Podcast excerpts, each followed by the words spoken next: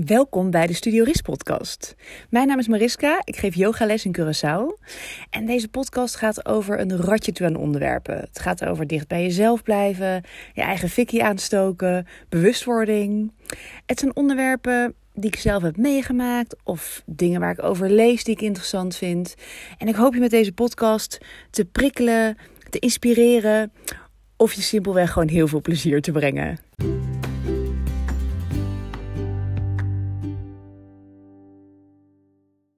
Hey, wat leuk dat je weer luistert naar een nieuwe aflevering. Vandaag gaan we het hebben over mindset. Het is een groot onderwerp en het kan ook wel confronterend zijn om ja, bezig te zijn of te leren over je mindset. Maar ik vind het echt een super interessant en leuk onderwerp. Vooral eigenlijk omdat ik heel veel energie krijg. Uh, ja, omdat ik gewoon merk dat er heel veel verandering en groei mogelijk is. Dus laten we beginnen. Yoga betekent verbinding. Verbinding tussen lichaam en geest. En je geest, dus je gedachten en je overtuigingen, die kan heel erg krachtig zijn. En die kan onbewust heel veel voor je bepalen. En niet altijd in je voordeel. Het kan bijvoorbeeld ontwikkeling en groei in de weg staan, uh, waardoor je misschien niet altijd doet wat je ja, eigenlijk zou willen of wat bij je past. Uh, of dat je het gevoel hebt dat iets je blokkeert of frustreert, waardoor je telkens tegen hetzelfde dingen aanloopt en jezelf in de weg zit. Ik zal een aantal voorbeelden noemen. Je kunt uh, bijvoorbeeld je laten meeslepen door blokkerende gedachten. Uh, of je gelooft dat andere mensen beter weten wat goed voor je is. Of je houdt vast aan oude denkpatronen die je niet meer helpen, etc. En we weten niet altijd dat dit gebeurt. Het is iets dat heel vaak in ons zeg maar, onbewust gebeurt, in ons onderbewuste huist. Stel je doet regelmatig aan yoga en door bewust te bewegen en ademhalingsoefeningen te doen of te mediteren, komen er allerlei dingen naar de oppervlakte. Je neemt de tijd om te luisteren naar je eigen lichaam, naar je geest. En je wordt bewuster van wat er binnenin je gebeurt. Van je gedachten, van je gedrag, van je patronen. En je komt dingen te weten over je mindset dus. En dat kan confronterend zijn. Het zijn niet altijd dingen die leuk zijn of die je graag aan je eigen persoonlijkheid zou willen koppelen. Maar het zit hem vaak dus in je mindset. En je mindset kun je veranderen. In mijn yoga mentorgroep hadden we het een tijdje geleden over het normaliseren van mislukkingen. En in dat gesprek raadde iemand een boek aan. En dat boek heet Mindset: Changing the Way You Think to Fulfill Your Potential. En het is geschreven door Carol Susan Dweck. En zij is psycholoog en docent aan eh, Stanford University. En ze beschrijft allerlei uitkomsten van onderzoeken die zij en anderen hebben gedaan naar de mindset. En um, ze geeft aan dat veel van wat wij denken dat onze persoonlijkheid is, eigenlijk uit onze mindset voorkomt. En door dit idee, doordat we dus denken dat het onze persoonlijkheid is, houden onze eigen ontwikkeling tegen, omdat we denken dat het niet te veranderen is. Maar je mindset, waar dus veel meer uit voorkomt dan we misschien denken, kun je wel veranderen. Kan je wel beïnvloeden. Nou, in het boek worden twee soorten mindsets beschreven. Het is de fixed mindset en de growth mindset, dus de groei mindset. En ik zal heel even het verschil tussen beide hier vertellen. De fixed mindset is uh, het geloof dat je kwaliteiten in steen zijn gebeiteld. Dus je wordt geboren met bepaalde eigenschappen en die staan vast. En uh, deze mindset heeft vaak tot gevolg dat we ons op een bepaalde manier gaan gedragen. En ik zal een paar voorbeelden van noemen. Um, de fixed mindset, of de overtuiging van het, hebben, uh, van het hebben dus van aangeboren kwaliteiten en talenten die vaststaan, zorgt er vaak voor dat we onszelf de hele tijd willen bewijzen. Uh, bijvoorbeeld onze intelligentie. Want uh, in de fixed mindset gaan we ervan uit dat die aangeboren is en dus niet heel erg te veranderen is. En dat je dus eigenlijk ook niet heel veel moeite hoeft te doen om hard te leren, bijvoorbeeld.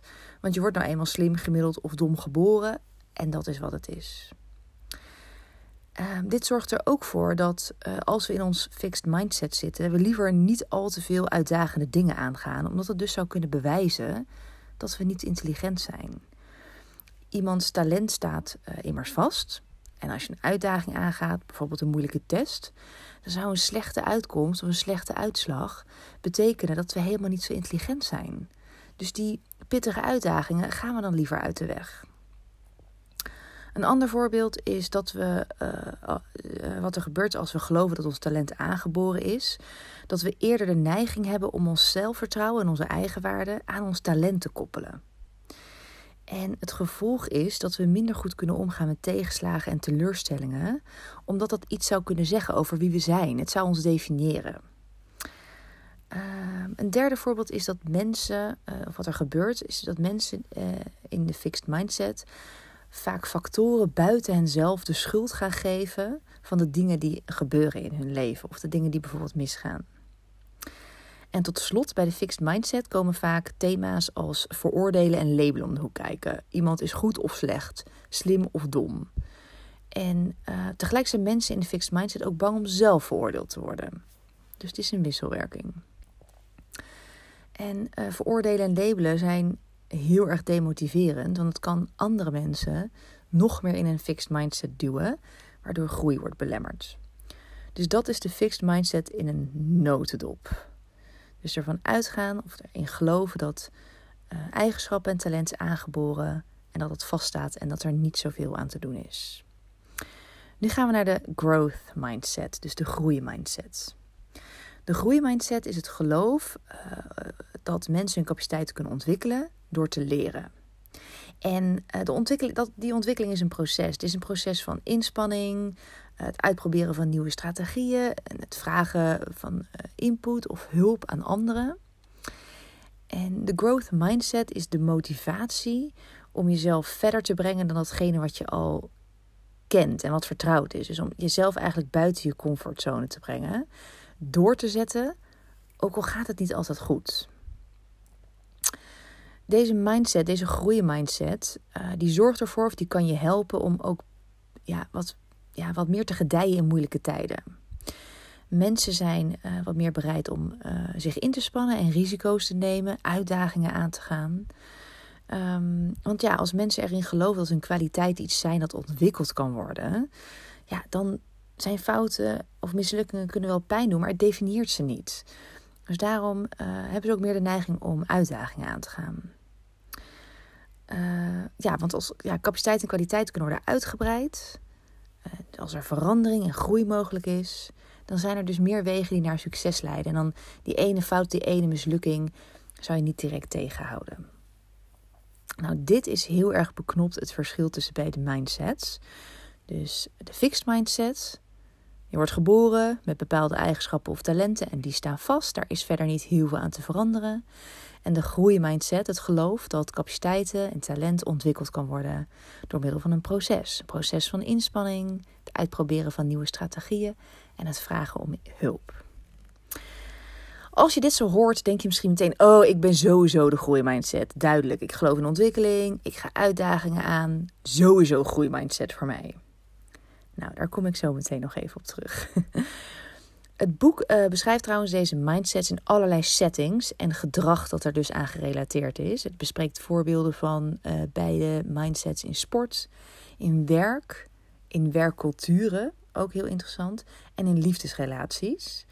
En het geeft ook aan hoe bijvoorbeeld ouders en docenten uh, hiermee om kunnen gaan en invloed kunnen uitoefenen om die groeimindset te stimuleren. Ik vond het echt een briljant boek om te lezen, omdat ik echt anders ben gaan kijken naar uh, mezelf en hoe ik dingen doe. En er komt een soort van vrijheid in je denken los. En tijdens het lezen herken je ook allerlei situaties, had ik tenminste. Van, oh ja, daar zit ik in een goede mindset. Oh, in die situatie schiet ik altijd in de fixed mindset. En dat was heel verhelderend om um, ja, dat te zien eigenlijk. Want wat ik net zei, van misschien denk je meteen, oh, ik zit sowieso in de goede mindset. We zijn namelijk allemaal een mix van beide mindsets. Soms zitten we in de ene mindset en soms zitten we in de andere mindset. Afhankelijk van de situatie. Als je bewust bent van je gedachten en van je gedrag, van je patronen, dan kun je dus die groeimindset aanleren in de situaties waar je normaal gesproken of van nature snel in die fixed mindset schiet.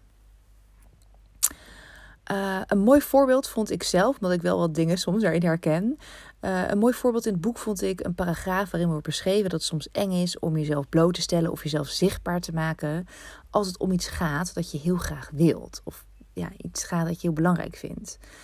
Uh, want wat, ja, wat wat als je daarmee gaat beginnen, het blijkt dat ineens dat je niet kunt of dat je niet goed genoeg bent. Nou, dan zit je dus, als je die gedachte hebt, in de fixed mindset. Stel je wilt graag schrijven, maar het zit in je hoofd dat creatief een, creativiteit een aangeboren capaciteit is, waar je dus niet heel veel aan uh, kan veranderen. Dan zou kritiek op je skills kunnen, uh, ja, kunnen betekenen dat je in zo'n mode schiet van: oh, dit betekent dus dat ik geen talent heb. En in je hoofd hoor je dan dingen als: doe het niet, ga niet beginnen aan die ene leuke studie of cursus. Het neemt een risico met zich mee, je moet je droom beschermen. Maar als je dus in deze situatie richting een groeimindset uh, zou gaan, dan hoor je juist in je hoofd dat je go for it. Schrijf je in voor die cursus, ontwikkel je vaardigheden en ga ervoor. Uh, ja, je kunt je mindset dus veranderen. Je kunt je, je, kunt je mindset trainen. En uh, het is niet zo dat je jezelf van de een op de andere dag een nieuwe mindset aanmeet. Het is een reis. Het wordt ook beschreven in het boek. Het is een reis die soms spannend is. Uh, omdat je dingen waarvan je dacht dat ze echt bij je hoorden, gaat loslaten. En in het boek wordt ook aangegeven uh, dat je bijvoorbeeld het gevoel kan hebben dat je een tijdje niet meer helemaal jezelf bent. Maar je gaat door een proces heen, een proces van groei. En door je open te stellen voor groei, word je juist meer jezelf. En uh, je oude overtuigingen zijn dan niet ineens verdwenen. Die blijven een tijdje bij je. Je nieuwe overtuigingen bestaan naast je oude overtuigingen. Maar als je die nieuwe overtuigingen steeds meer voedt, steeds meer oefent, steeds meer traint, dan worden ze sterker en krijg je een andere manier van denken en doen. Nou, hoe je die reis uh, naar een groeimindset praktisch kunt aanpakken, staat in het boek. Het is een soort klein stappenplan. Het is wel leuk om, uh, ja, om dat te doen, mocht je het boek gaan lezen. En ik wil deze podcast eindigen met een stukje uit het boek waar ik echt keihard om moest lachen toen ik dat las. Het gaat over als je in, uh, als je in liefdesrelaties uh, de neiging hebt om de schuld vaak bij de ander te leggen. Nou, en de schrijfster vertelt hierover. As a legacy of my fixed mindset, I still have an irresistible urge to defend myself and assign blame when something in a relationship goes wrong. To deal with this bad habit, my husband and I invented a third party, an imaginary man named Maurice. Whenever I start in on who's to blame, we invoke poor Maurice and pin it on him.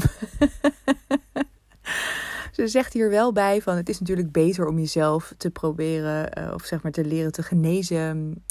Of hoe moet ik dat zeggen? Het is natuurlijk beter om jezelf te genezen van de behoefte om schuld te geven aan jezelf of aan iemand of iemand de schuld te geven.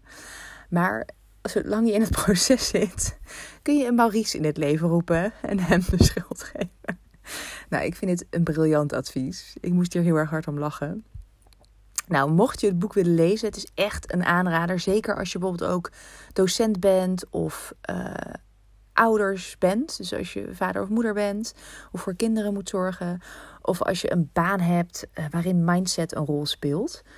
Het heet dus Mindset Changing the Way You Think to Fulfill Your Potential. En het is geschreven door Carol Susan Dweck. Heel veel dank weer voor het luisteren naar deze mini-podcast. Ik hoop dat je ervan hebt genoten. En ik vind het altijd super leuk als je me laat weten wat je ervan vindt. Um, als je op de hoogte wil blijven, dus als je wilt weten um, wanneer er een nieuwe podcast uitkomt of een nieuwe column, ga dan naar www.yogastudioris.com en schrijf je in voor de nieuwsbrief. Nou, een hele fijne dag en tot de volgende keer.